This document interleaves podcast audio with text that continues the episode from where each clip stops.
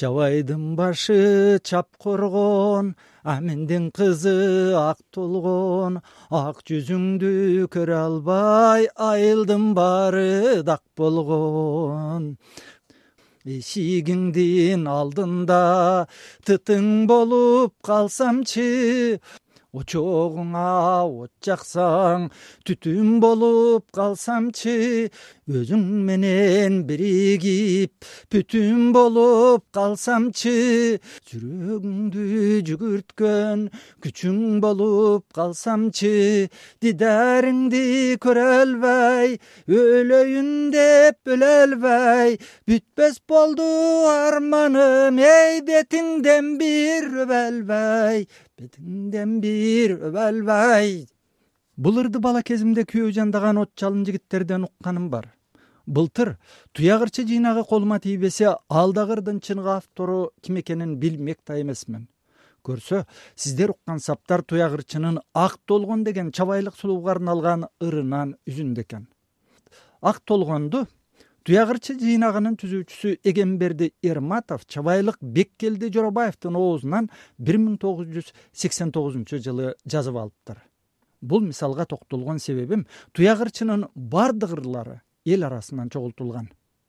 Эки миң нускада чыккан жыйнакка туякка таандык делген он жети ыр эскерүүлөр жана илимпоздордун макалалары кирген туяк ырчынын ысымы акыркы он жылда бүгүн арабызда жок. Акын эгемберди эрматовдун аракети менен окурман журту билип калды десе болот. Бирок да адабиятчы абдыкерим муратов айткандай буга чейин жалпы журт үчүн туяк ырчы туюк бойдон эле. Туяк ырчы деген мындай туюк ырчы болчу да эч ким жакшы билчү эмес. Ал киши ар кандай баягы адабий чизмелерде дагы ушу акындардын хрестоматияларында дагы э, адабий портреттеринде дагы анан окуу китептеринде э, жогорку окуу жайлардын китептеринде дагы таптакыр эскерилген да эмес дагы аты да аталган эмес да. Анан мындай чоң эмгекти маркум эгемберди эрматов сиңирген да.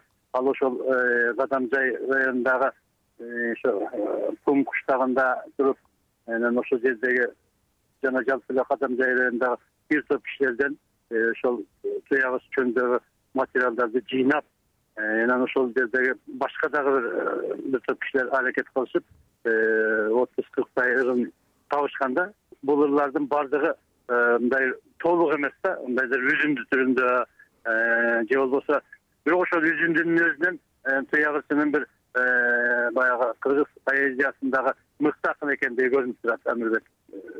Бирөөлөрдөн бирөөлөрдөн өтүп баягы биринчи экинчи кол эмес. Бир нече кишиден өткөн материалды кылып турса а ушундай шартта былтыркы жылдагы ошол ырчы деген э, жыйнактын чыгышы э, биздин адабий коомчулук үчүн маданий коомчулук үчүн чоң окуя болду да. Ошол эле кезде жыйнак чыгаруу менен эле ошону э, бет ачарын өткөрүп кадамжай районунда чоң бир иш чаралар өткөрдү. Ырчынын жүз алтымыш жылдыгына карата мамлекеттик деңгээлдеги иш чара өткөрүлдү да туяк ырчы бир миң сегиз жүз элүү алтынчы жылы азыркы кадамжай районундагы майдан айыл өкмөтүнүн аймагындагы пум айылында жарык дүйнөгө келет. Ырларына караганда туяк эрназар уулу фергана өрөөнүнүн жана кыргызстандын түштүгүн бүтүндөй кыдырып чыккан. Туяк ырчы кылычтай курч курагы жыйырмага толо элек маалында исфайрам өрөөнүндөгү белгилүү садыр миң башыны жандап коконго барып кудайарканга каяша сүйлөгөн туяктын өкүмдарлар алдында оюн эркин айткан тайманбастыгын коргоол ырчынын мына бул саптары да күбөлөйт. Ис байрамды бойлогон ырчылык менен тойлогон кудайарханга тийишип кызыл тилдин айынан кылычтан жерге жойлогон кайран ырчы туяктап өткөн дүйнөдөн. Туяк байлар менен молдолордун кемчилигин шылдыңдап катар өз сезимин ачык айткан. Мунусу әрине жергиликтүү бек болуштарга жаккан эмес мисалы тайыр казынын кызы моллайымга ашык болуп ырдаган ыры үчүн жер төлөгө камалып коюлганын мынтип ырдайт казынын кызын ырдайм деп калдым кара балага болбогон жерден күнөөлөп болуштар жыкты жалаага жанымда келип тургандар түшө албады арага туяктын дал ушундай тайманбастыгы анын өлүмүнө себеп болгон туяк ырчынын чебереси жумабай миталиповдун эскерүүсүнө караганда бир миң тогуз жүз отузунчу кыркынчы жылдары ырларын жыйнайбыз деген адамдар бишкектен бир нече жолу келип бирок алар жазып кеткен ырлар жарыяланбаган экен. Анын себеби жөнүндө профессор абдикерим муратов мындай дейт. Ошо жылдарда академия көп жыйнап кеткен убакта э, бир эки үч критерий менен карашканда э, биринчи критерий ушул ичкилик зонасындагы акындардын ырлары мындай адабий тилдин нормасына туура келбейт деген да. Алардын тилинде баягы диалектилик өзгөчөлүктөр көп болот деп туруп ошол эле кезде ботобайдын э, чыгармаларын жазылса дагы жарыялашкан эмес да. Молдонияздыкын да көпкө чейин жарыялаган эмес. Э, бул бир тилдик адабий тилге туура келбегендиктен улам жарыялабай калган болушу мүмкүн да. Экинчи чети анан э, ошол эстер кезинде деле адабиятчыларда деле ушундай бөлүнүү болгон да. Ар ким өзүнүн баягы туугандарын биринчи орунга алып чыгып өзүнүн жездештерин биринчи орунга алып чыккан дагы анан ошодо тиги туяк ырчага мындай кезек келбей калган дейт да. Анан үчүнчү чоң себеби туяк ырчы бул э, мисалы үчүн э, алла жөнүндө ыры бар да. Анан ошо пайгамбар жөнүндө бар диний э, маани мазмундагы ырлар көп болгон да. Ошондуктан дагы бул өзүнүн баягы кезегин күтүп жата берген да ошол академиянын кол жазмасында эгер болсо дагычы анан бул былтыркы эгембер жыйырма түзгөн жыйнак бул көбүнчө академиянын кол жазмасынан эмес э, фонддон эмес бул баягы эл арасынан жыйналгандар боюнча алынган да ошол каданжай районундагы журналисттер мугалимдер буга чоң эмгек сиңиришкен да туяк ырчынын ысымы жалпы журтка белгисиз болуусун таанымал изилдөөчү омор сооронов эки жагдай менен түшүндүргөн. Биринчиси канчалык зор акын болбосун ырларынын тексти элге жетпесе башкача айтканда жасаган иши көрүнбөсө ал жөнүндө миң жолу айтып жүз жолу илимий макала жазганын бир тыйынга арзыбай жомок сыяктуу болгон экен боюнча кала берет.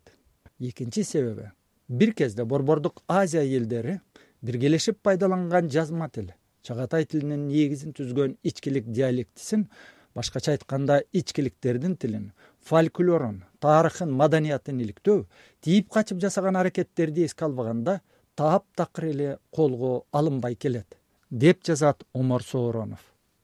Туяк ырчы албетте орус оторчуларынын басып кириши менен фергана бөрөөнүндө башталган өзгөрүүлөрдү байкап отуруп коом кайда барат?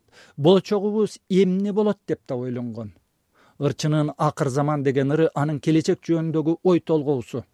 Ошол эле учурда он тогузунчу кылымдын аягы жыйырманчы кылымдын башындагы элдин коомдогу саясий экономикалык жараяндарга болгон мамилесин да билдирет акыр заман болордо темирдей жипти өрөөсүң ааламды бүйдө көрөсүң желмогуз менен бир басып жакалашып жүрөсүң. Кояй деген кожоң жок өзүңө өзүң төрөсүң арам алиш нерсени? Арам деп аста сезбейсиң. Уят сыйды жоготуп катып калган бездейсиң. Базарга кетсе аялың кайсы бурчтан издейсиң. Туяк ырчынын эмне болосуң замана деген ыры да ушундай замана темасына арналган.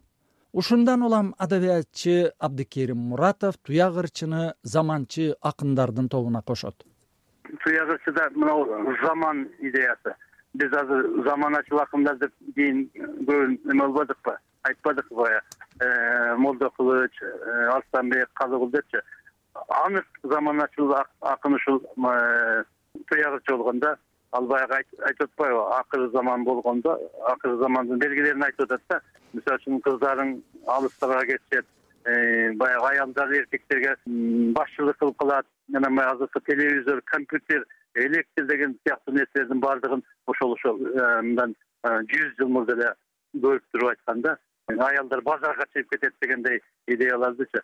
Бул жагынан э, биз көбүнчө туяк ырчыны олиялык деп атабыз да ошо алдын ала көп нерсени көрө алган деп да бул олиялык деген анын баягы ой жүгүртүүсүнүн мыктылыгында баягы логикалык чабытынын кенендигинде анан бул окуган мындай окуган киши менен мисалы үчүн ошо өзүнүн достору абдырайым деген болуш керек эле ошо менен ал киши аябай мындай билимдүү киши болгон экен да медреселерде окуган. Анан ошол кишинин аябай таасиринде жүргөн дейт да.